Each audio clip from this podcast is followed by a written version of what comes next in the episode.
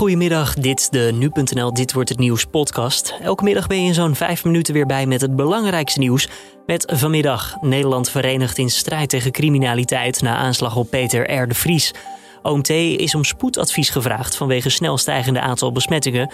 En boeren protesteren tegen het stikstofbeleid. Mijn naam is Julian Dom, het is vandaag woensdag 7 juli. En dit is de Nu.nl Dit Wordt Het Nieuws middagpodcast.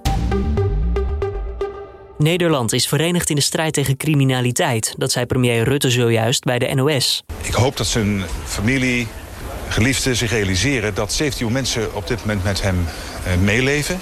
En dat dit ons allemaal verenigt. Want we zetten de strijd tegen de misdaad voort, samen. We moeten een lange adem hebben, maar volgens Rutte is het wel een strijd die we gaan winnen. Daar was minister Grapperhaus het eerder vandaag ook al over eens. Dit is een, heb ik heel vaak gezegd, een veelkoppig monster. Het wordt steeds gewelddadiger, gewetenlozer.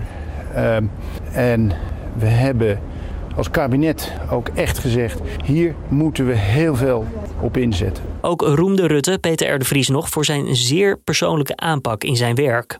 Iemand die man die er niet alleen is om de strijd te voeren, maar ook om altijd aandacht te blijven besteden aan de slachtoffers, aan de mensen met wie hij te maken heeft. Mensen niet bijna gewoon niet loslaat. Mensen ook blijft helpen. De families uit zaken waar Peter R. de Vries zich hard voor maakte in de afgelopen decennia hebben dan ook geschokt gereageerd op het nieuws van zijn aanslag.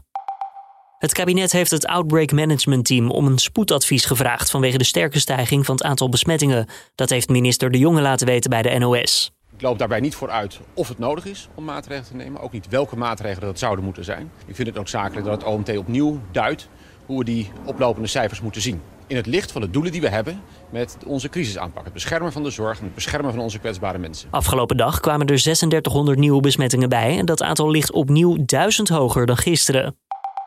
De boerenprotesten in vijf steden in ons land zijn afgelopen. Vandaag werd er weer geprotesteerd tegen het stikstofbeleid.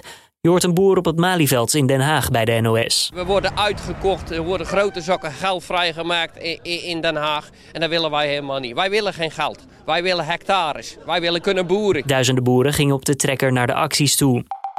En de prinsessen Amalia, Alexia en Ariane hebben zich ook laten vaccineren tegen corona. Dat hebben koning Willem-Alexander en koningin Maxima net gezegd tijdens het staatsbezoek aan Duitsland. Ze hebben heel duidelijk laten weten dat het hun eigen beslissing was, zeggen ze. En dan het weer van Weerplaza. Er zijn perioden met zon en stapelwolken. Lokaal kan land inwaarts een bui vallen. In het oosten mogelijk ook nog een klap onweer. Morgen dan meer van hetzelfde. Vooral in het oosten dan kans op een bui. Mogelijk wederom met onweer. Ja, om af te sluiten nog eventjes een wereldrecord. Het gaat om het grootste zandkasteel ter wereld dat is gemaakt en het staat in Denemarken.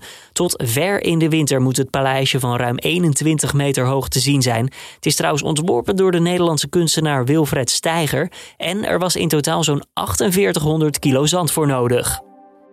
Dit was hem dan weer, de Dit Wordt Het Nieuws podcast van deze woensdag 7 juli. Tips of feedback zijn altijd welkom. Kan je toesturen naar podcast.nu.nl. Mijn naam is Julian Dom. Ik wens je voor nu een fijne avond en morgenochtend is hier weer collega Frits Emmelkamp.